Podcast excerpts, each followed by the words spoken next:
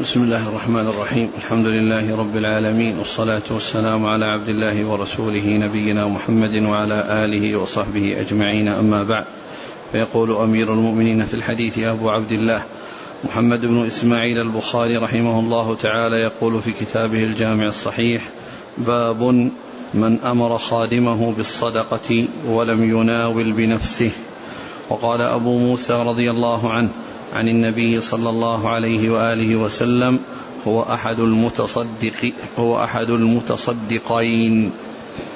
قال حدثنا عثمان بن أبي شيبة قال حدثنا جرير عن منصور عن شقيق عن مسروق عن عائشة رضي الله عنها أنها قالت قال رسول الله صلى الله عليه وآله وسلم إذا أنفقت المرأة من طعام بيتها غير مفسدة كان لها أجرها بما أنفقت ولزوجها أجره بما كسب وللخازن مثل ذلك. لا ينقص بعضهم أجر بعض شيئا. بسم الله الرحمن الرحيم. الحمد لله رب العالمين وصلى الله وسلم وبارك على عبده ورسوله نبينا محمد وعلى آله وأصحابه أجمعين. أما بعد فيقول الإمام البخاري رحمه الله باب إذا إذا أمر الخادم. من أمر خادمه بالصدقة ولم يناول بنفسه. من أمر خادمه بالصدقة ولم يناول بنفسه. لما ذكر الترجمة السابقة التي قبلها وهي الصدقة باليمين وأن الإنسان يباشر صدقته بنفسه ويتولاها بنفسه وذكر الحديثين الدالين على ذلك وهما حديث السبعة الذين يظلهم الله في ظله وفيهم الرجل الذي تصدق بصدقة فأخفاها حتى لا تعلم شماله ما تنفق يمينه. والحديث الثاني الذي فيه أمر الرسول عليه الصلاة والسلام بالتصدق قبل أن يأتي قبل أن يأتي وقت يمشي الواحد بصدقته لا يجد من يأخذها منه. يمشي بصدقته يعني معناه أنه يباشر التصدق والبحث عن من يستحقها ليسلمها له. لما ذكر تلك الترجمة ذكر أن أن أن أن أن, أن من أمر خادمه بالتصدق ولم يباشر ذلك بنفسه أن ذلك سائغ وأنه لا بأس به. يعني ليس بلازم الإنسان ما يعني يحصل الصدقة إلا بمباشرته بل يسوق أن يباشر غيره وأن ينيب غيره وأن يوكل غيره.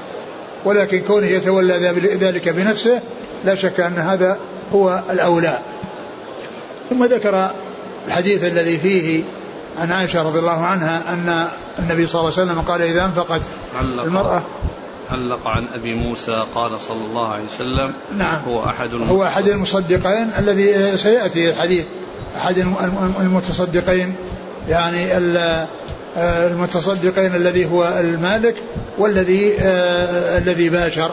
كل له أجر ولا ينقص آه ذلك من من أجورهم شيئا. المتصدقين أي الذي هو مالك الصدقة والذي باشر آه إعطاءها. ضبطت بالجمع؟ والحديث سيأتي. لا جاء في بعض الجمع لكن أكثر روايات على على على التثنية. أكثر ما جاء بالتثنية شوف كلام الحافظ ذكره عن واحد أنه في الجمع عن أحد النسخ أو إحدى النسخ. ضبط في جميع روايات الصحيح بفتح القاف على التثنية. قال القرطبي ويجوز الكسر على الجمع أي هو متصدق من المتصدقين. نعم. نعم. والحديث؟ عن عائشة قال صل قال صلى الله عليه وسلم إذا أنفقت المرأة من طعام بيتها غير مفسدة كان لها أجرها بما أنفقت ولزوجها أجره بما كسب وللخازن مثل ذلك لا ينقص بعضهم أجر بعض شيئا. إذا أنفقت المرأة من مال زوجها غير مفسدة فإن لها فإن لها أجر ما أنفقت ولزوجها أجر ما اكتسب من وكذلك الخازن يعني له أجر مباشرته للصدقة لا ينقص ذلك من أجورهم شيء يعني كل واحد لا ينقص أجره من أجر الآخر بل هذا أجره كاملا وهذا له الأجر كاملا وهذا له الأجر كاملا. وفضل الله واسع. وإنفاق المرأة من مال زوجها إذا كان قليلا وشيئا يسيرا هذا لا بأس به. وأما إذا كانت علمت من زوجها أو حصل لها من زوجها إذن أو أنها تعلم منه ذلك بأنها تعطي آه، آه، يعني آه، شيئا كثيرا فإن ذلك لا بأس به. أما إذا كان شيء قليلا تافها فإنها تعطي وإن لم يأذن. وأما إذا كان كثيرا فإن فإنها إذا كان عندها إذن يعني قولي بأن قال لها تنفق وأنها تعطي من هذا المال أو أن أو أنها تعلم من حاله أن ذلك يعجبه وأنه يسره فإن ذلك سائغ لها. ولها الأجر بما أنفقت وله الأجر بما اكتسب لأنه, لأنه دخل البيت دخل هذا المال البيت من كسبه. اكتسبه وأدخله البيت والمرأة تقوم بتصرفه في بيتها وإن جاءها سائل وأعطت وأعطته منه آه، إن كان قليلا تافها ولو لم يكن إذن وإن كان يعني أكثر من ذلك فإنه يحتاج إلى إذن منه أو علم منها بأن ذلك يعجبه. والخازن الذي هو المسؤول عن عن عن خزانة المال والمحافظة عليه وهو الذي آه، يعني يخرج من الخزانة يعني ما يحتاج إليه من سواء كان مأكولا أو مأكولا في البيت أو معطى لأحد وباشر ذلك بنفسه أي الخازن باشر الإعطاء بنفسه فله أجر الأجر على ذلك. وهذا محل الشاهد من قوله إذا إذا أمر إذا أمر خازنه بأن يتصدق إذا أمر من أمر؟ لا إذا أنفقت المرأة. لا لا لا, لا. من أمر من أمر خادمه بالصدقة ولم يناول بنفسه. نعم. من أمر خادمه بالصدقة ولم يناول بنفسه. لأن محل الشاهد الثالث هذا الذي هو الخازن الذي أذن له بأن يتصدق وباشر التصدق ولم يباشره المالك. ولم يباشره المالك. فإن هذا فيه أن أن أن أن غيره يقوم مقامه وأنه لا يلزم أن يكون دفع الصدقة منه إلى غيره مباشرة بل يجوز أن يكون ذلك بواسطة الخازن الذي يتولى الإعطاء لمن آه، يحتاج أو لمن يستحق الصدقة الذي آه، أمره صاحب المال بإيصالها إليه أو بإعطائها إياه. نعم. قال حدثنا عثمان بن أبي شيبة نعم. عن جرير بن عبد الحميد.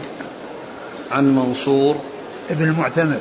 عن شقيق شقيق بن سلمة أبو وائل. عن مسروق مسروق بن الأجدع. عن عائشة. نعم. هل ممكن أن يقال كوفيون ما عدا الصحابية؟ من هو شيخه؟ عثمان بن أبي شيبة. نعم كلهم كوفيون إلا الصحابية عائشة. قال رحمه الله تعالى باب لا صدقة إلا عن ظهر غنى ومن تصدق وهو محتاج أو أهله محتاج أو عليه دين فالدين أحق أن يقضى من الصدقة والعتق والهبة وهو رد عليه ليس له أن يتلف أموال الناس. قال النبي صلى الله عليه وآله وسلم من أخذ أموال الناس يريد إتلافها أتلفه الله إلا أن يكون معروفا بالصبر فيؤثر على نفسه ولو كان به خصاصة كفعل أبي بكر رضي الله عنه حين تصدق بماله وكذلك آثر الأنصار المهاجرين ونهى النبي صلى الله عليه وسلم عن إضاعة المال فليس له أن يضيع أموال الناس بعلة الصدقة. وقال كعب رضي الله عنه قلت يا رسول الله إن من توبتي أن أنخلع من مالي صدقة إلى الله وإلى رسوله صلى الله عليه وآله وسلم. قال أمسك عليك بعض مالك فهو خير لك.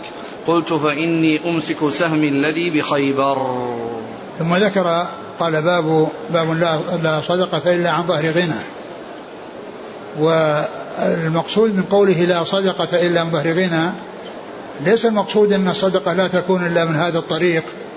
وإنما هذا بيان الصدقة الكاملة أو الأكمل من غيرها التي تكون عن ظهر غنى.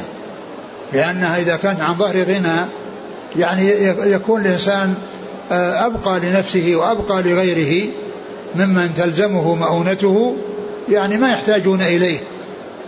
فإذا تصدق من ماله وهو غني فإن ذلك لا يؤثر ولا يترتب عليه آه، آه، إخلال بالواجب.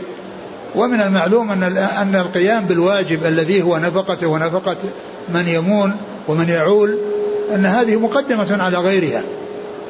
لأن هذا فرض وغيره نفل. والفرض يقدم على النفل. ولا يشتغل بالنوافل وتترك الفرائض. فإذا كان الغنى موجود موجودا وأن عنده ما يكفيه ويكفي من يعول فإنه هذا هو الذي تكون من الصدقة لأنه لو كان يعني مقلا أو ليس عنده شيء فإن ذلك يؤثر عليه وعلى من يعول. لكن إذا كان المال كثيرا وعنده ما يكفيه ويكفي غيره ممن يعول فإن الصدقة يعني تكون في محلها بحيث أن أن أنه لا يحصل يعني عليه إخلال بما هو واجب وإنما الواجب مؤدى ويوجد ما يأتي به ويزيد عليه فتكون الصدقة من ذلك الزائد عن الحاجات وعن ما يحتاج إليه هو ومن يعوله. ثم ذكر يعني آه، أحاديث معلقة. قال إيش؟ قال لا صدقة إلا عن ظهر غنى ومن تصدق وهو محتاج أو أهله محتاج. أو عليه دين فالدين أحق أن يقضى من الصدقة والعتق والهبة وهو رد عليه. ليس نعم. قال يعني من تصدق وهو محتاج أو أهله محتاجون أو أن عليه دين فإن هذه مقدمة على الصدقة. وقضاء الدين مقدم على الصدقة وعلى العتق وعلى وجوه البر الأخرى التي آه، يفعلها الإنسان يعني محتسبا راجيا الثواب من الله عز وجل. فلا بد من الإتيان بالأمور الواجبة أولا وبعد ذلك يؤتى بالنوافل ويؤتى بالتطوع. أما أن يشتغل بالتطوع ويترك الواجب فإن هذا يعني لا يسوغ وقد نقل الحافظ بن حجر عن يعني بعض الأكابر أنه قال من اشتغل بالفرض عن عن النفل فهو معذور. ومن اشتغل بالنفل عن الفرض فهو مغرور. من اشتغل بالفرض عن النفل فهو معذور لأنه مشتغل بالواجب. والنفل يؤتى به بعد الواجب. ومن عكس بأن اشتغل بالنفل عن الفرض شغله النفل عن الفرض فإنه يكون مغرورا. فإنه يكون مغرورا وأما ذاك فإنه يكون معذورا. لأنه اشتغل بالأهم واشتغل بالواجب. فالذي يكون عليه دين عليه أن يؤدي دينه. ولا يشتغل ببذل المال بالصدقات وهو مدين. بل واجب عليه أن يؤدي الحقوق إلى أهلها وأن يؤدي الدين إلى أهله. وبعد ذلك يتصدق إذا كان عنده إذا أدى ما عليه. أما أن يضيع ماله بالصدقات وهو مدين لغيره وحق واجب عليه في ذمته لغيره فإن عليه أن يؤدي ما هو واجب ثم يشتغل بما هو مستحب. ولهذا قال إن قضاء الدين أولى من الصدقة ومن العتق ومن الأمور الأخرى التي هي من وجوه البر. قال وهو رد عليه يعني أن تصدقه يعني لا يعني ينفذ ولا يعني يعتبر بل هو رد عليه قيل وهذا فيما إذا حجر عليه. القاضي. إذا كان محجورا عليه فإنه لا يعني فإنه يكون مردودا عليه. وأما إذا لم يحجر عليه القاضي وتصدق بصدقات يعني لا تجحف ولا تؤثر فإن ذلك لا بأس به. لكن ال ال ال ال الإنسان لا يشتغل بالنوافل ويهمل الفرائض. لا يشتغل بالنفل ويترك ما هو واجب عليه؟ قالوا ومن تصدق وهو محتاج أو أهله محتاج آه. أو عليه دين. أو عليه دين. فالدين أحق أن يقضى. فالدين أحق أن يقضى. يعني من, من هذه الأشياء من كونه يعني يعني كونه كونه يتصدق وهو محتاج وأهله محتاجون فيتصدق فإن وهو عليه فإن الدين أولى أن يقدم على غيره. ولهذا قال الدين أولى من العتق. أولى من كونه يعتق وكونه يتصدق وكونه يحسن إلى غيره مع أنه مدين. وإنما إذا أدى الواجب الذي عليه يشتغل بالنوافل التي يؤتى بها بعد بعد بعد بعد الفرائض. وهو أولى من الصدقة. من الصدقة والعتق والهبة. نعم من الصدق من من من من, من الصدقة. والعتق والهبة. يعني كونه يهب لغيره كونه يعني يعتق رقبة يشتري رقبة ويعتقها كونه يتصدق على غيره. الدين مقدم على على على, على هذه التطوعات وعلى هذه النوافل نعم. وهو رد عليه. وهو رد عليه يعني إذا إذا إذا يعني أعتق أو يعني آه، آه، وهب يعني وما إلى ذلك فإن ذلك مردود عليه. ليس له أن يتلف أموال الناس. ليس له أن يفسد أموال الناس يعني أموال الناس اللي هم الدائنين. الدائنين يعني ليس لهم أن يفسدها بمعنى أنه يضيعها عليهم بالصدقة. لأن الدين في ذمته ويجب عليه أن يسلمه إلى أهله وإذا كان عنده شيء من المال فإنه لا يفسده بالصدقات ويشتغل بالنوافل ويترك الفرائض. قال صلى الله عليه وسلم من أخذ أموال الناس يريد إتلافها أتلفه الله. من أخذ أموال الناس يريد إتلافها أتلفه الله. يعني من أخذ أموال الناس دينا أو اشترى منهم أشياء يعني بثمن مؤجل وهو يعني لا يريد لا يريد يعني آه، أن أن يؤدي الواجب الذي عليه أتلفه الله. نعم.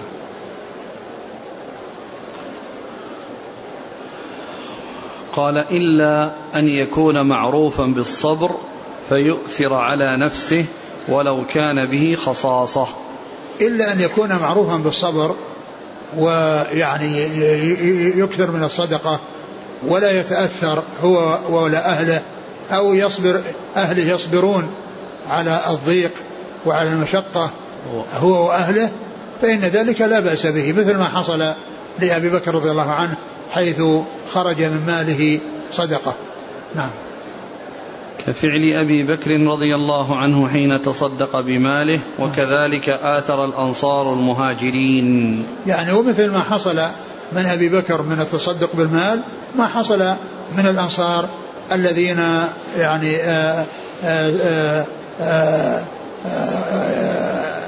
آووا المهاجرين وأسكنوهم وأعطوهم من أموالهم وأنفقوا عليهم وآثروهم على أنفسهم كما ذكر الله عنهم ذلك في القرآن ويؤثرون على أنفسهم ولو كان بهم خصاصة. ونهى النبي صلى الله عليه وسلم عن إضاعة المال فليس له أن يضيع أموال الناس بعلة الصدقة. ونهى النبي صلى الله عليه وسلم عن إضاعة المال فليس له أن يضيع أموال الناس بالصدقة. يضيع أموال الناس الذين هم الدائنون. الذين هم الدائنون لا يضيعها بالصدقة بأن يشتغل بالصدقة ويترك أصحاب الحقوق لا تصل إليهم, إليهم حقوقهم منه بل عليه أن يؤدي حقوقهم وكذلك إضاعة المال لا يضيع الإنسان ولو ولو كان لنفسه ولو كان نفسه لا يضيع في في فيما لا يسوغ فيما لا يسوغ وضعه فيه. إضاعة المال منهي عنها سواء كان المال مستحقا لغيره أو أنه خاص به بل عليه المحافظة على المال وصرفه في المصارف التي آه، جاء الشرع بأنه يصرف فيها. ولهذا جاء في الحديث الرسول نهى عن قيل وقال وكثرة السؤال وإضاعة المال. وقال كعب رضي الله عنه قلت يا رسول الله إن من توبتي أن أنخلع من مالي صدقة إلى الله وإلى رسوله صلى الله عليه وسلم. قال أمسك عليك بعض مالك. فهو خير لك. قلت فإني أمسك سهمي الذي بخيبر. ثم ذكر يعني هذه القطعة من حديث كعب مالك الطويل بقصة تخلفه عن غزوة تبوك مع اثنين من الصحابة وهم الثلاثة الذين خلفوا وجاء ذكرهم في القرآن في سورة التوبة وأحدهم كعب مالك وقصته طويلة في الصحيحين. ومنها هذه القطعة أنه لما تاب الله عليه ونزلت توبته توبة الله عليه وعلى صاحبيه. قال للرسول عليه الصلاة والسلام إن من, إن من, من توبتي أو من شكر الله عز وجل على توبة الله علي أن أنخلع من مالي. يعني أنه ينخلع من ماله كله. يعني صدقة إلى الله عز وجل وإلى رسوله. يعني أن الرسول يتولاها ويتولى توزيعها وهي يتقرب يتقرب بها إلى الله عز وجل.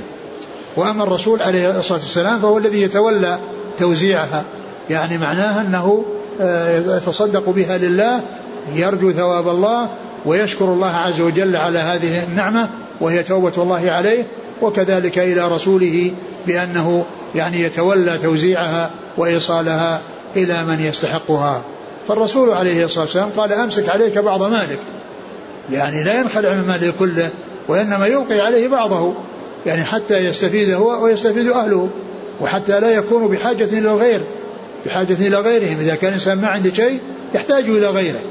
لكنه إذا أبقى ما يكفي لحاجته وحاجة أهله ويعني ما يؤدى به الواجب يعني في نفقته ونفقة من يعول فإن ذلك الزائد الرسول صلى الله عليه وسلم أقره على ذلك. قال أمسك عليك بعض مالك فقال إني أمسك نصيبي أو سهمي من خيبر. قال حدثنا عبدان قال أخبرنا عبد الله عن يونس عن الزهري قال أخبرني سعيد بن المسيب أنه سمع أبا هريرة رضي الله عنه عن النبي صلى الله عليه وآله وسلم أنه قال خير الصدقة ما كان عن ظهر غنى وابدأ بمن تعول. ثم ذكر الحديث الذي ترجم له ولكنه أتى به بصيغة غير الصيغة السابقة. هنا قال لا, لا صدقة إلا عن ظهر غنى. والمقصود بهذا الحصر يعني لا صدقة أكمل وأتم. وهنا قال خير الصدقة ما كان عن ظهر غنى. خير الصدقة ما كان عن ظهر غنى. وابدأ بمن تعود. يعني معناه أن أن الإنسان يكون إذا كان غنيا ينفق على نفسه ويبدأ بمن يعول وبعد ذلك يتصدق. بعد ما يقوم بأداء الواجب يأتي بما هو مستحب. والنفقة عليه وعلى على من يعول هذه واجبة. وأما الإحسان إلى من لا تجب عليه نفقته فإن هذا من الأمور المستحبة. والواجب أداء الواجب مقدم على فعل المستحب. خير الصدقة ما كان عن ظهر غنى وابدأ بمن تعول. قال حدثنا عبدان هو عبد الله بن عثمان المروزي. عن عبد الله ابن المبارك المروزي. عن يونس بن يزيد الأيلي. عن الزهري نعم. عن سعيد بن المسيب عن أبي هريرة. نعم. ما هو حد الغنى؟ هل المراد بالغنى هو زيادة المال أو كفايته بحيث يكفيه ويكفي أهله؟ الغنى يعني يكون عنده ما يكفيه ويكفي أهله وعنده نصاب يزكيه حال عليه الحول يعني يعني ليس محتاجا إليه. يعني معناه عنده ما يكفيه ويكفي أهله وعنده يعني مال يزكى. فمن فمن بلغ إلى أنه يزكي ماله أو شيئا من ماله بعد كفايته فهذا هو الغني. لأن الغني هو الذي تؤخذ منه الزكاة والغني تؤخذ منه الزكاة. والفقير هو الذي تعطى إليه الزكاة.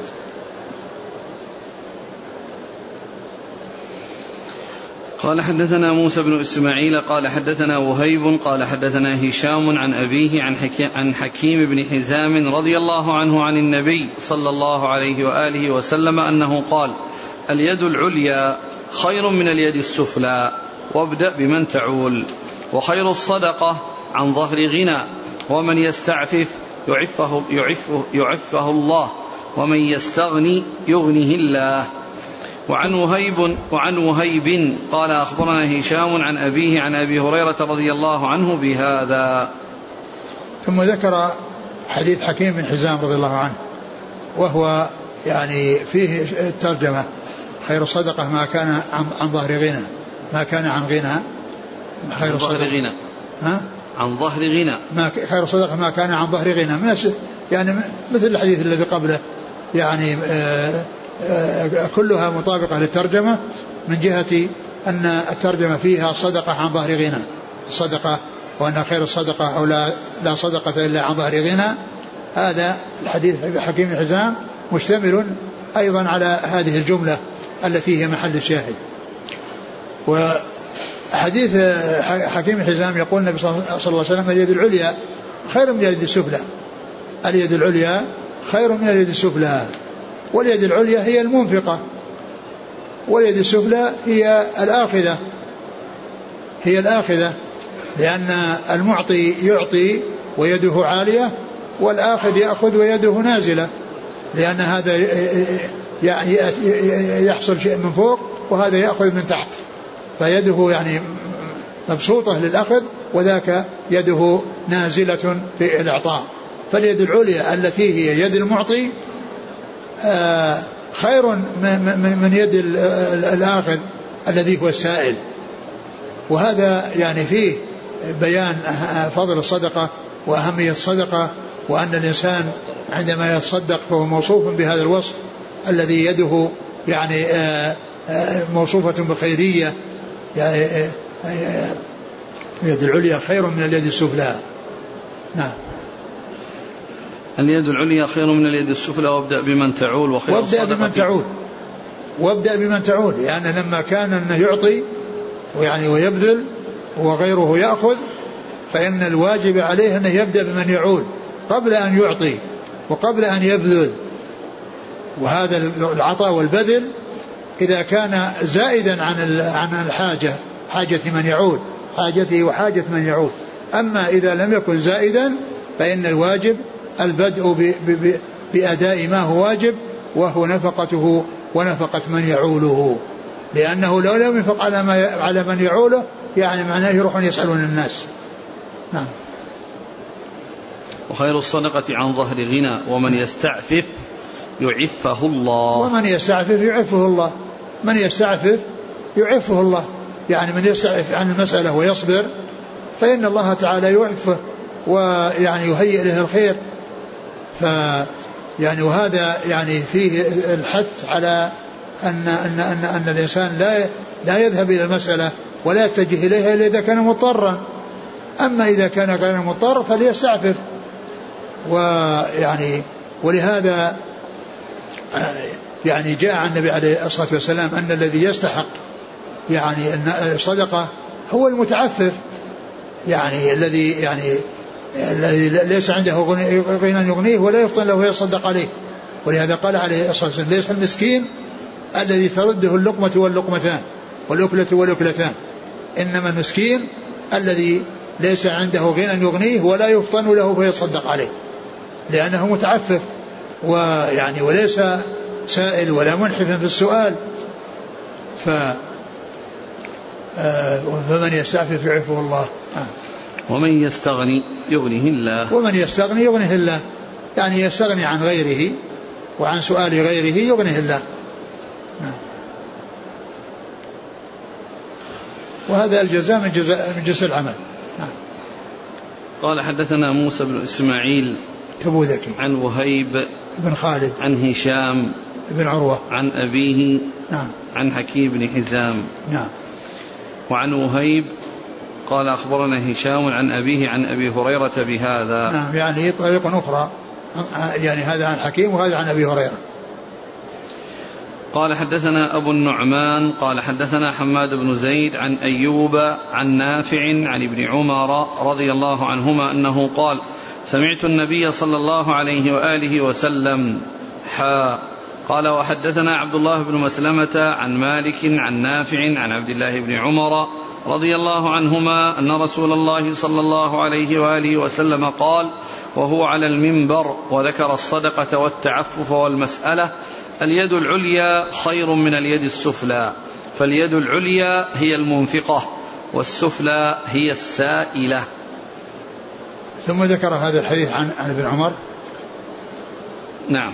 ثم ذكر هذا الحديث عن ابن عمر رضي الله تعالى عنهما أنه قال وهو عن منبر وذكر الغنى والتعفف والمسألة قال خير الصدقة آه، قال خير اليد العليا. اليد العليا خير من اليد السفلى. اليد العليا خير من اليد السفلى واليد العليا هي المنفقة والسفلى هي السائلة. يعني السفلى هي السائلة. هذا في بيان بيان العليا اليد العليا واليد السفلى اليد العليا المنفقة التي يعني تكون فوق تعطي من فوق وتلك مبسوطة من تحت لتقبض ما يصل إليها من فوق فاليد العليا هي المنفقة واليد السفلى هي السائلة. قال حدثنا عبد الله بن مس قال حدثنا أبو النعمان محمد بن فضل. عن حماد بن زيد عن أيوب عن نافع عن ابن عمر. نعم.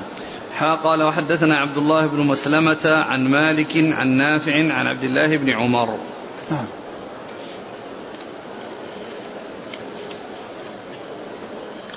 يقول رجل عليه دين لكنه يعتمر كل سنة. هل هذا جائز أو أنه يخل؟ لكون عليه دين فالواجب أن يؤدي حق الدين. يستأذن الدائنين فإن أذنوا له يذهب ولا يعطيهم الشيء الذي سيصرفه في العمرة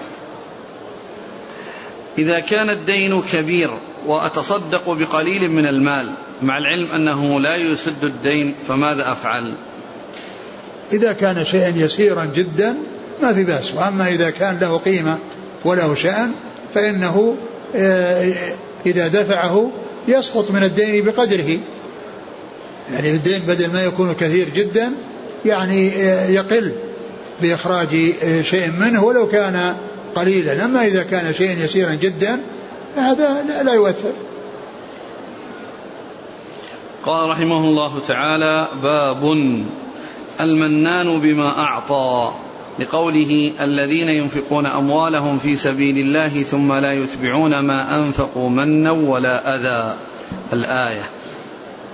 ثم قال باب المنان بما أعطى. يعني أن الإنسان إذا أعطى فيرجو ثواب الله ويعتبر أن هذا خرج منه تقرب إلى الله عز وجل فلا يمن بما أعطى ولا يذكر ذلك الشيء لصاحبه بحيث يؤذيه آه، بالمن عليه وإنما آه، ينسى يعني آه، ذكر ذلك فلا يذكره ولا يحصل منه المن على على على, على من أحسن إليه. بل يرجو ثواب الإحسان من الله ولا يمن بعطيته ويذكرها ويقول اني أعطيتك وإن حصل كذا وإن حصل كذا. فهذا هو المن.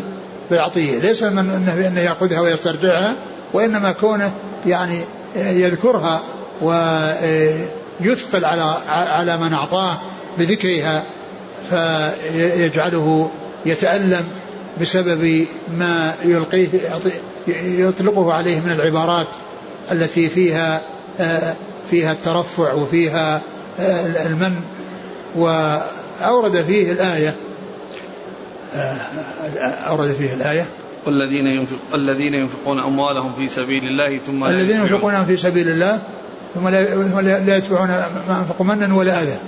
في سبيل الله المعنى العام. سبيل الله له معنيان معنى عام وهو طرق الخير كلها كلها في سبيل الله. يعني بناء المساجد في سبيل الله والصدقة في سبيل الله ويعني البذل في أي وجه من وجوه الخير من سبيل الله. وسبيل الله يطلق إطلاقا خاصا على الجهاد في سبيل الله. وهذا كما جاء في آية الصدقات الصدقات للفقراء والمساكين العامل عليها والمؤلفة قلوبهم والرقاب والغارمين في سبيل الله وابن السبيل. وفي سبيل الله وابن السبيل. فسبيل الله هذا يراد به خصوص الجهاد في سبيل الله. لأن الأمور التي معه هي من سبيل الله. لأن ابن السبيل أعطاه من سبيل الله. وال يعني وإعتاق الرقاب من سبيل الله. وكذلك الأمور الأخرى التي يعني آه، هي هي من سبيل الله. الفقراء والمساكين من سبيل الله. أما المواضع التي يأتي بها ذكر سبيل الله مطلق فإنه يقصد به الجهاد وغير الجهاد. ولا يتبعون ما أنفقوا منا ولا أذى. والمصنف لم يذكر شيئا من الأحاديث يعني تحت هذه الترجمة. ولعله لم يكن هناك شيء على شرطه. ولكنه جاء يعني يعني يعني عند عند الإمام مسلم يعني بعض الأحاديث التي فيها التحذير من المن بالعطية وفيه الحديث الذي ثلاثة لا يكلمهم الله ولا ينظر إليهم يوم القيامة ولا يزكيهم ولهم عذاب أليم. قيل من يا رسول الله؟ قال المسبل والمنان. المسبل والمنان والمنفق سلعته بالحلف الكاذب. نعم. قال رحمه الله تعالى باب من أحب تعجيل الصدقة من يومها. قال حدثنا أبو عاصم عن عمر بن سعيد عن ابن أبي مليكة أن عقبة بن الحارث رضي الله عنه حدثه قال صلى بنا النبي صلى الله عليه وآله وسلم العصر فأسرع ثم دخل البيت فلم يلبث أن خرج فقلت أو قيل له فقال كنت كنت خلفت في البيت تبرا. كنت خلفت في البيت تبرا من الصدقة فكرهت أن أبيته فقسمته. ثم ذكر باب من أحب تعجيل الصدقة من يومها. من أحب تعجيل الصدقة من يومها يعني أنه يبادر بإخراجها قبل الليل. بأن يبادر إخراجها قبل أن يأتي الليل ويخرجها في من يومها. والحديث سبق أن مر في حديث النفس في الصلاة. يعني حديث النفس في الصلاة. لأن الرسول صلى الله عليه وسلم تذكر وهو في الصلاة هذا التبر الذي في البيت. من من حين ما سلم قام بسرعة. يعني آآ آه، آآ آه، استغربها الصحابة. وقالوا لا, لا يكون حدث شيء. فكانوا متخوفين من هذه السرعة التي ليست من عادته صلى الله عليه وسلم. ثم إنه خرج وقال لعلكم يعني آه، أشار إلى أنهم لعلهم يعني وجدوا شيء يعني في سرعته فأخبرهم أنه تذكر آه، تبرا آه، تبرا والذهب من الصدقة. فقال فأحببت ألا يبيت أو يأتي الليل وهو يعني موجود عنده. وقوله قبل أن من أحب إخراج الصدقة قبل قبل ذهاب يومها يعني قبل أن يذهب اليوم الذي هي عنده فيه ويريد إخراجها وقبل أن يصل الليل فأراد أن تصل إلى من يستحقها فأراد أن تصل إلى من يستحقها. وذكر هذا الحديث الذي فيه أن النبي صلى الله عليه وسلم صلى بهم وخرج مسرعا واستغرب الناس من سرعته ثم خرج إليهم وقال إنه حصل كذا وكذا. نعم. قال حدثنا أبو عاصم. أبو عاصم النبيل الضحاك بن مخلد. عن عمر بن سعيد. نعم. عن ابن أبي مليكة. نعم محمد. عبد الله بن أبي بن عبيد الله, عبيد الله نعم. عن عقبة عن عقبة بن الحارث. نعم. قال رحمه الله تعالى باب التحريض على الصدقة والشفاعة فيها. قال حدثنا مسلم قال حدثنا شعبة قال حدثنا عدي عن سعيد بن جبير عن ابن عباس رضي الله عنهما أنه قال خرج النبي صلى الله عليه وآله وسلم يوم عيد فصلى ركعتين لم يصل قبل ولا بعد ثم مال على النساء ومعه بلال فوعظهن وأمرهن أن يتصدقن فجعلت المرأة تلقي القلب والخرص. ثم ذكر التحريض على على الصدقة التحريض على الصدقة والشفاعة فيها. التحريض على الصدقة والشفاعة فيها. التحريض على الصدقة الحث والترغيب فيها والحث عليها والشفاعة فيها كونه يعني لا يقدر على يتمكن من التصدق أو لا ليس عنده شيء يتصدق به يشفع عند غيره ممن يتصدق على غيره. يعني حيث لا يكون قادرا يشفع عند من يكون قادرا على أن يتصدق على غيره. ذكر يعني الحديث الأول الذي فيه آه، خرج صلى الله عليه وسلم يوم عيد فصلى نعم ركعتين. خرج, خرج يوم عيد فصلى ركعتين اللي هي صلاة العيد لم يصلي قبلها ولا ولا بعدها. يعني ما في تنفل قبل صلاة العيد ولا بعد صلاة العيد في المصلى. ثم مال إلى النساء. يعني وقد جاء في بعض الأحاديث أنه ظن لم يسمعهن. فأتى إليهن ورغبهن في الصدقة وحثنهن على الصدقة وقال تصدقنا يا معشر النساء فإني رأيتكن أكثر أهل النار. ف فحث على الصدقة. فجعلت الواحدة تلقي من من من من, من الزينة التي في جسدها من من قرطها من من قلبها ومن خرصها. نعم. ومن خرصها. والقلب قيل هو الخلخال. الخلخال؟ هكذا فسره الخطابي. نعم. والخرص حلقة القرط. والخرص حلقة القرط. نعم. القرط يعني الذي يعلق بالأذن. نعم. إيش والمقصود منه أن الرسول يعني حتى هنا على الصدقة.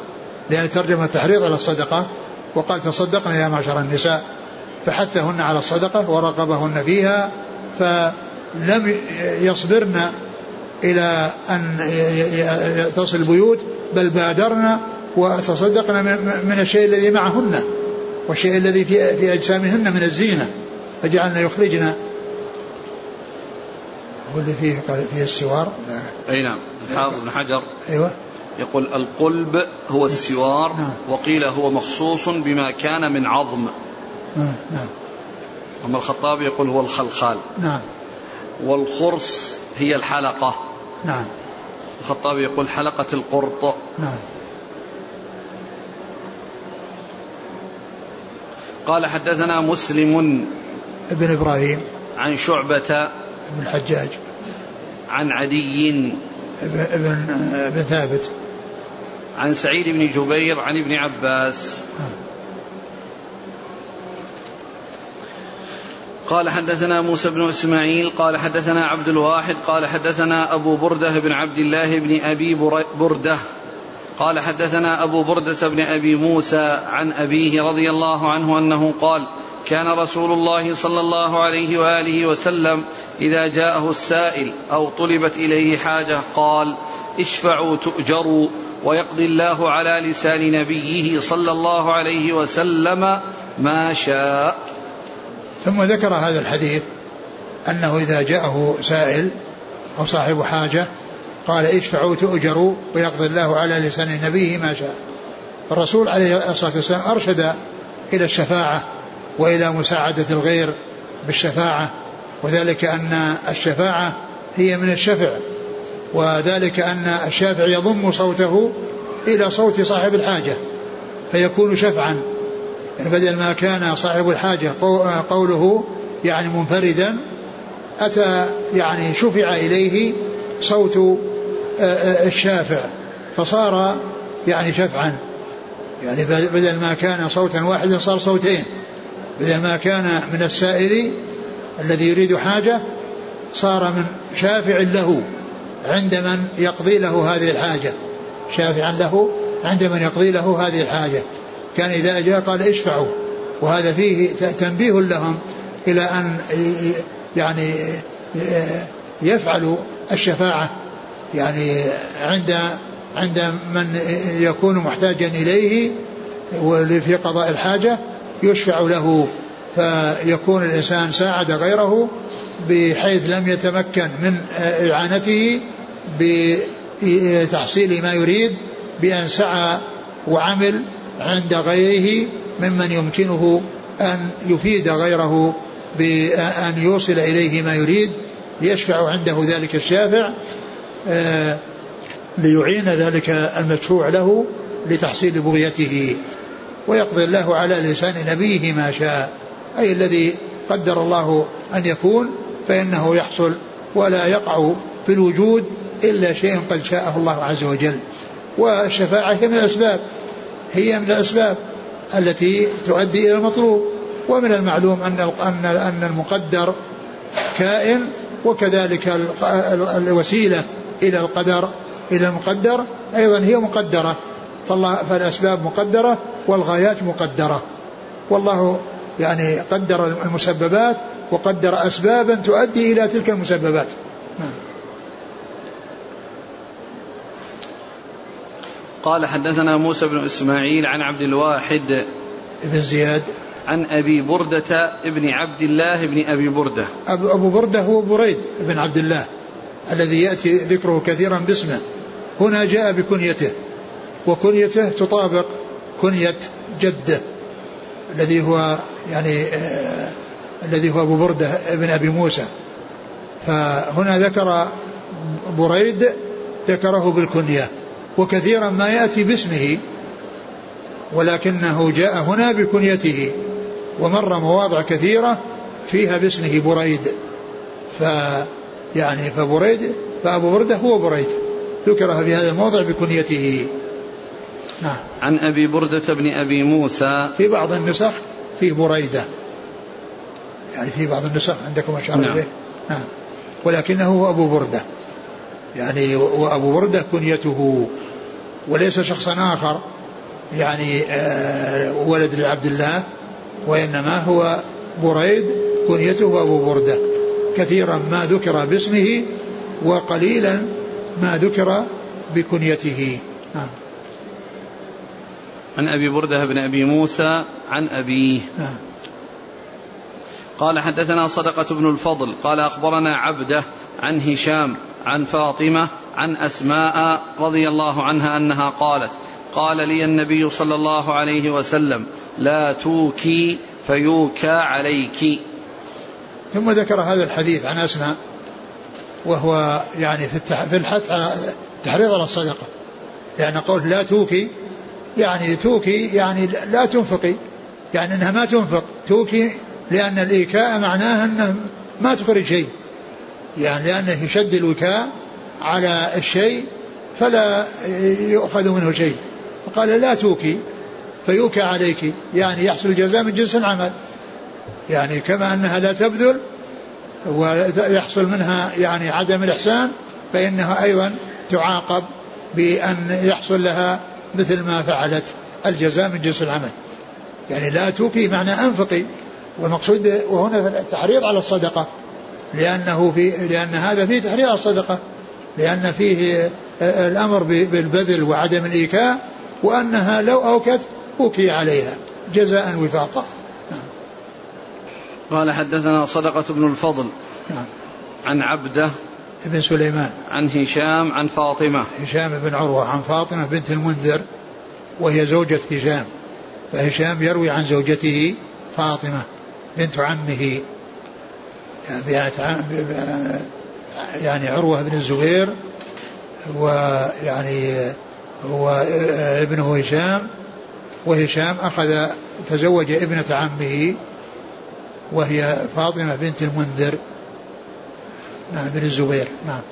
عن أسماء. عن أسماء جدتهما جميعا.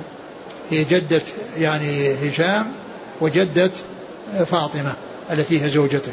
وهو رواية الزوج عن زوجته. أقول فيه رواية الزوج عن زوجته. وهذا يتكرر. يعني جاء في مواضع متعددة. كون هشام يروي عن زوجته فاطمة بنت المنذر التي هي ابنة عمه. نعم. قال حدثنا عثمان بن أبي شيبة عن عبدة وقال لا تحصي فيحصي الله عليك. وهنا قال لا تحصي فيحصي الله عليك. يعني الاحصاء يعني يعني مثل كما جاء جمع مالا وعدده. يعني يعدده ويحصيه ولا يعني يبذل منه شيئا. نعم. وهذا مثل غيره الجزاء من جنس العمل. نعم. قال رحمه الله تعالى باب الصدقة فيما استطاع.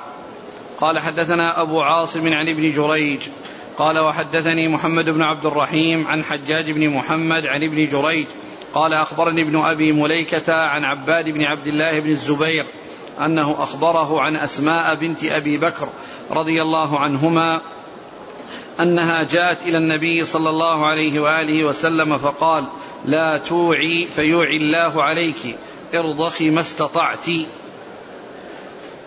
آه ثم ذكر حديث آه أسماء.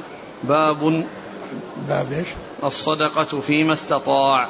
الصدقة فيما استطاع. يعني الإنسان يتصدق فيما استطاع. لا يكلف الله نفسا إلا وسعها. فإذا كان عنده كثير يتصدق بالكثير. وإذا كان عنده قليل يتصدق بالقليل. آه، يأتي بما استطاع. ثم ذكر حديث أسماء التي آه، آه، أسماء بنت أبي بكر رضي الله تعالى عنهما أنها جاءت إلى النبي عليه الصلاة والسلام وقال قال لها لا توعي فيوعي الله عليك. لا توعي فيوعي الله عليك. هذا مثل توكي الذي مرت فيوكى عليك. هنا توعي لأن يعني معناه حفظ الشيء في الوعاء. يعني جعله في الوعاء. فيعني بحيث لا يخرج منه شيء. مثل هناك ذكر الإيكاء وهنا ذكر الوعاء. والإيكاء هو يعني الذي ربط الوعاء. والوعاء هو الذي يكون فيه الشيء. ومعنى ذلك أنه يحفظ فيه ويبقى ولا يخرج منه شيء ولا يتصدق منه بشيء. فقال لا لا توعي فيوعي الله عليك. ارضخي ما استطعت. وهذا محل الشاهد. لأن يعني قوله ما استطعت. ارضخي ما استطعت. ارضخي يعني أعطي. أعطي ما استطعت. إيش فسرها قال اعطى شيء قليل فسر الرضخ. ارضخي من الرضخ بمعجمتين أو الرضخ وهو العطاء اليسير. نعم. فالمعنى أنفغي بغير إجحاف ما دمت قادرة مستطيعة. نعم. يعني ارضخي يعني يعني حيث يعني تكون يعني آه ليس عندها شيء كثير تعطي الشيء القليل. لكن إذا صار في شيء كثير يعطى الكثير من الكثير والقليل من القليل. قال باب الصدقة فيما استطاع. قال حدثنا أبو عاصم عن ابن جريج. أبو عاصم الضحاك بن مخلد النبيل قال وحدثني محمد بن عبد الرحيم. وابن جريج هو عبد الملك بن عبد العزيز بن جريج. ومحمد بن عبد الرحيم صاعقة عن حجاج بن محمد. حجاج بن محمد الأعور المصيصي. عن ابن جريج قال عن ابن جريج. الطريق الأولى عالية والثانية نازلة. الطريق الأولى إلى ابن جريج فيه واسطتان. والطريقة الثانية إلى ابن جريج ثلاثة وسائط. ثلاث وسائط. وهي واسطتان واسطتان. نعم هناك واسطة, واسطة نعم هناك واسطة الذي هو أبو عاصم وهنا واسطتان. يعني فالأولى عالية والثانية نازلة. ومن عادة البخاري كما أسلفت وكما ذكر ذلك الحافظ بن حجر أنه إذا ذكر الحديث عن يعني شيخين فإنه يكون للثاني منهما. يكون اللفظ الذي يثبته يعني في بعد بعد هذين الإسنادين البخاري من عادته إذا إذا ذكر الحديث عن شيخين فإنه يجعل اللفظ المذكور للآخر منهما. والأول قد يأتي به يأتي به في موضع آخر بلفظ مغاير. للذي جاء بهذا بهذين الإسنادين. لأنه ساقها على لفظ الشيخ الثاني وأما الشيخ الأول فإنه يذكره في موضع آخر بما يغاير ويختلف عن ما أو أثبته عندما جمع بينهما لأنه يجعل اللفظ للثاني منهما. قد ذكر الحافظ بن حجر يعني في مواضع عديدة وذكره عند هذا الحديث. شوف إيش قال؟ قال قال إنه ذكره في موضع آخر اتم اللي هم رواية أبي عاصم. قال أورد في حديث أسماء المذكور من وجه آخر عنه عنها من وجهين وساقه هنا من على لفظ حجاج بن محمد لخلو طريق أبي عاصم من التقييد بالاستطاعة. وسيأتي في الهبة بلفظ أبي عاصم وسياقه أتم. نعم يعني معناه اللي من طريق أبي عاصم أتم. لكنه يعني أورده هنا من أجل محل الشاهد لأنها متعلقة بكلام الثاني نعم عن, ابن جريج عن ابن جريج عن ابن أبي مليكة عن عباد بن عبد الله بن الزبير نعم. عن أسماء بنت أبي بكر نعم. نعم. قال رحمه الله تعالى باب الصدقة تكفر الخطيئة قال حدثنا قتيبة قال حدثنا جرير عن الأعمش عن أبي وائل عن حذيفة رضي الله عنه أنه قال قال عمر رضي الله عنه أيكم يحفظ حديث رسول الله صلى الله عليه وآله وسلم عن الفتنة؟ قال قلت أنا أحفظه كما قال قال إنك عليه لجريء فكيف فكيف قال؟ قلت فتنة الرجل في أهله وولده وجاره تكفرها الصلاة والصدقة والمعروف قال سليمان قد, قد كان يقول الصلاة والصدقة والأمر بالمعروف والنهي عن المنكر. قال ليس هذه أريد ولكني أريد التي تموج كموج البحر. قال قلت ليس عليك بها يا أمير المؤمنين بأس بينك وبينها باب مغلق. قال فيكسر الباب أو يفتح. قال قلت لا بل يكسر. قال فإنه إذا كسر لم يغلق. لم يغلق أبدا. قال قلت أجل فهبنا أن نسأله من الباب؟ فقلنا لمسروق سله. قال فسأله فقال عمر رضي الله عنه.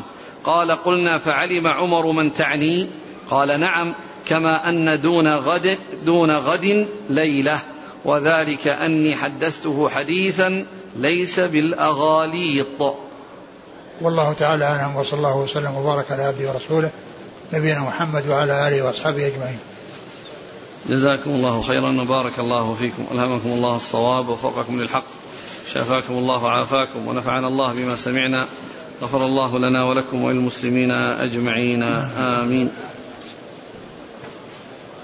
يقول هل يدخل في اليد السفلى من أعطي دون سؤال بل كان متعففا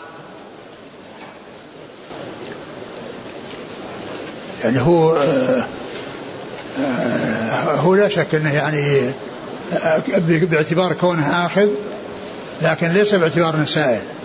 لأنه لا يدخل يعني تحت معنى السائله لأنه ليس بسائل ولكنه آخذ. والحافظ ذكر الأصناف الأربعة الذين يعني يكونون يعني مرتبين فالأولى المعطية والثاني أربعة أقسام شوفوا شيء. مرتبة وآخرها السائل. في آخر آخر الشرح عند أي أي أي حديث يا شيخ؟ هذا حديث هذا الحديث اللي فيه اليد العليا. الذي السفلى الأول. الأيدي ثلاثة يد الله العليا ويد المعطي التي تليها ويد السائل السفلى. لا غير هذا. هذا حديث عند أبي داود بن خزيمة. نعم. لا هو كلام للحافظ بن حجر. أو هذه الحديث ظاهر على أن اليد العليا هي المنفقة المعطية وأن السفلى هي السائلة. لا فيه فيه فيه ذكر أربعة أصناف. قال ابن عربي التحقيق أن السفلى يد السائل وأما يد الآخذ فلا لأن يد الله هي المعطية ويد الله هي الآخذة وكلتاهما عليا كلتاهما يمين قال أما يد الآدمي فهي أربعة يد المعطي نعم. وقد تضافرت الأخبار بأنها عليا ثانيها يد السائل وقد تضافرت بأنها سفلى سواء أخذت أم لا وهذا موافق لكيفية الإعطاء والأخذ غالبا وللمقابلة وللمقابلة بين العلو والسفل المشتق منهما. ثالثها يد المتعفف عن الأخذ ولو بعد أن تمد إليه يد المعطي مثلا. وهذه توصف بكونها عليا علوا معنويا. ما أخذ. مدت له لكن أبى. لا هذا كذا ما أخذ. هو يقوله. نعم إذا يقول يد. يد المتعفف عن الأخذ ولو نعم بعد أن تمد إليه صح. يد المعطي. هذا اللي امتنع. اي نعم نعم. رابعها يد الآخذ بغير سؤال. نعم. وهذه قد اختلف فيها. هذه ف... مثل التي قبلها لأن تلك يعني الأول ما أخذ والثاني أخذ. نعم, نعم. قد اختلف فيها فذهب جمع إلى أنها سفلى. وهذا بالنظر إلى الأمر المحسوس. وأما المعنوي فلا يضطرد فقد تكون عليا في بعض الصور وعليه يحمل كلام من أطلق كونها عليا. قال ابن حبان اليد المتصدقة أفضل من السائلة لا الآخذة بغير سؤال. إذ محال أن تكون اليد التي أبيح لها استعمال فعل باستعماله دون من فرض عليه إتيان شيء فأتى به أو تقرب إلى ربه متنفلا. فربما كان الآخذ لما أبيح له أفضل وأورع من الذي يعطي. انتهى. هذا قريب منه يقول إذا أعطاني أحد مالا صدقة ولم أسأله ولم أكن مستشرفا وأنا فقير فهل الأفضل أن أتعفف؟ والله إذا كنت محتاج خذ حتى لا تحتاج إلى السؤال. كونه يأتيك شيء بدون سؤال خير من أنك تضطر تسأل. يقول أنا أكلم بعض الأغنياء وأجمع منهم بعض المال لكي ينفق على طلبة العلم والفقراء. هل أنا واقع في هذا الحديث؟ يسأل الناس. إذا كان الإنسان يعني مأمون وما يحصل عن طريقه يصل إلى من يستحقه فذلك فهذا محسن. لكن المهم في الأمر أنه يسلم من تبعات ذلك لأن بعض الناس قد يقع ثم يفتن. ثم يفتن بالمال الذي يقع في يده. ثم يفتن بالمال الذي يقع في يده. فإذا كان آه، آه، سيقوم بذلك وهو مطمئن إلى سلامته من أن يقع في أمر محذور وهو أن يبتلى بالطمع في المال وأخذ شيء لا يستحقه أو أنه يأخذه يعني باسم غيره ثم يأخذه بنفسه. أما إذا كان أنه سليم وأنه غني وعنده شيء يكفيه وليس بحاجة إلى وإنما أراد أن يجمع شيء يعطيه لمن يستحقه. وأخبر المسؤولين بأنه سيصرف في كذا وكذا لا بأس بذلك. ولا يقال إنه سائل بل هو شافع. هذا يسأل عن تفسير ابن عطية ويستشيركم يقول عندنا نسخ نريد أن نوزعها لكن هل هو من تفاسير أهل السنة أو فيه ابتداع؟ ما أتذكر لا أذكر. جزاكم الله خيرا. سبحانك الله وبحمدك نشهد أن لا إله إلا أنت أستغفرك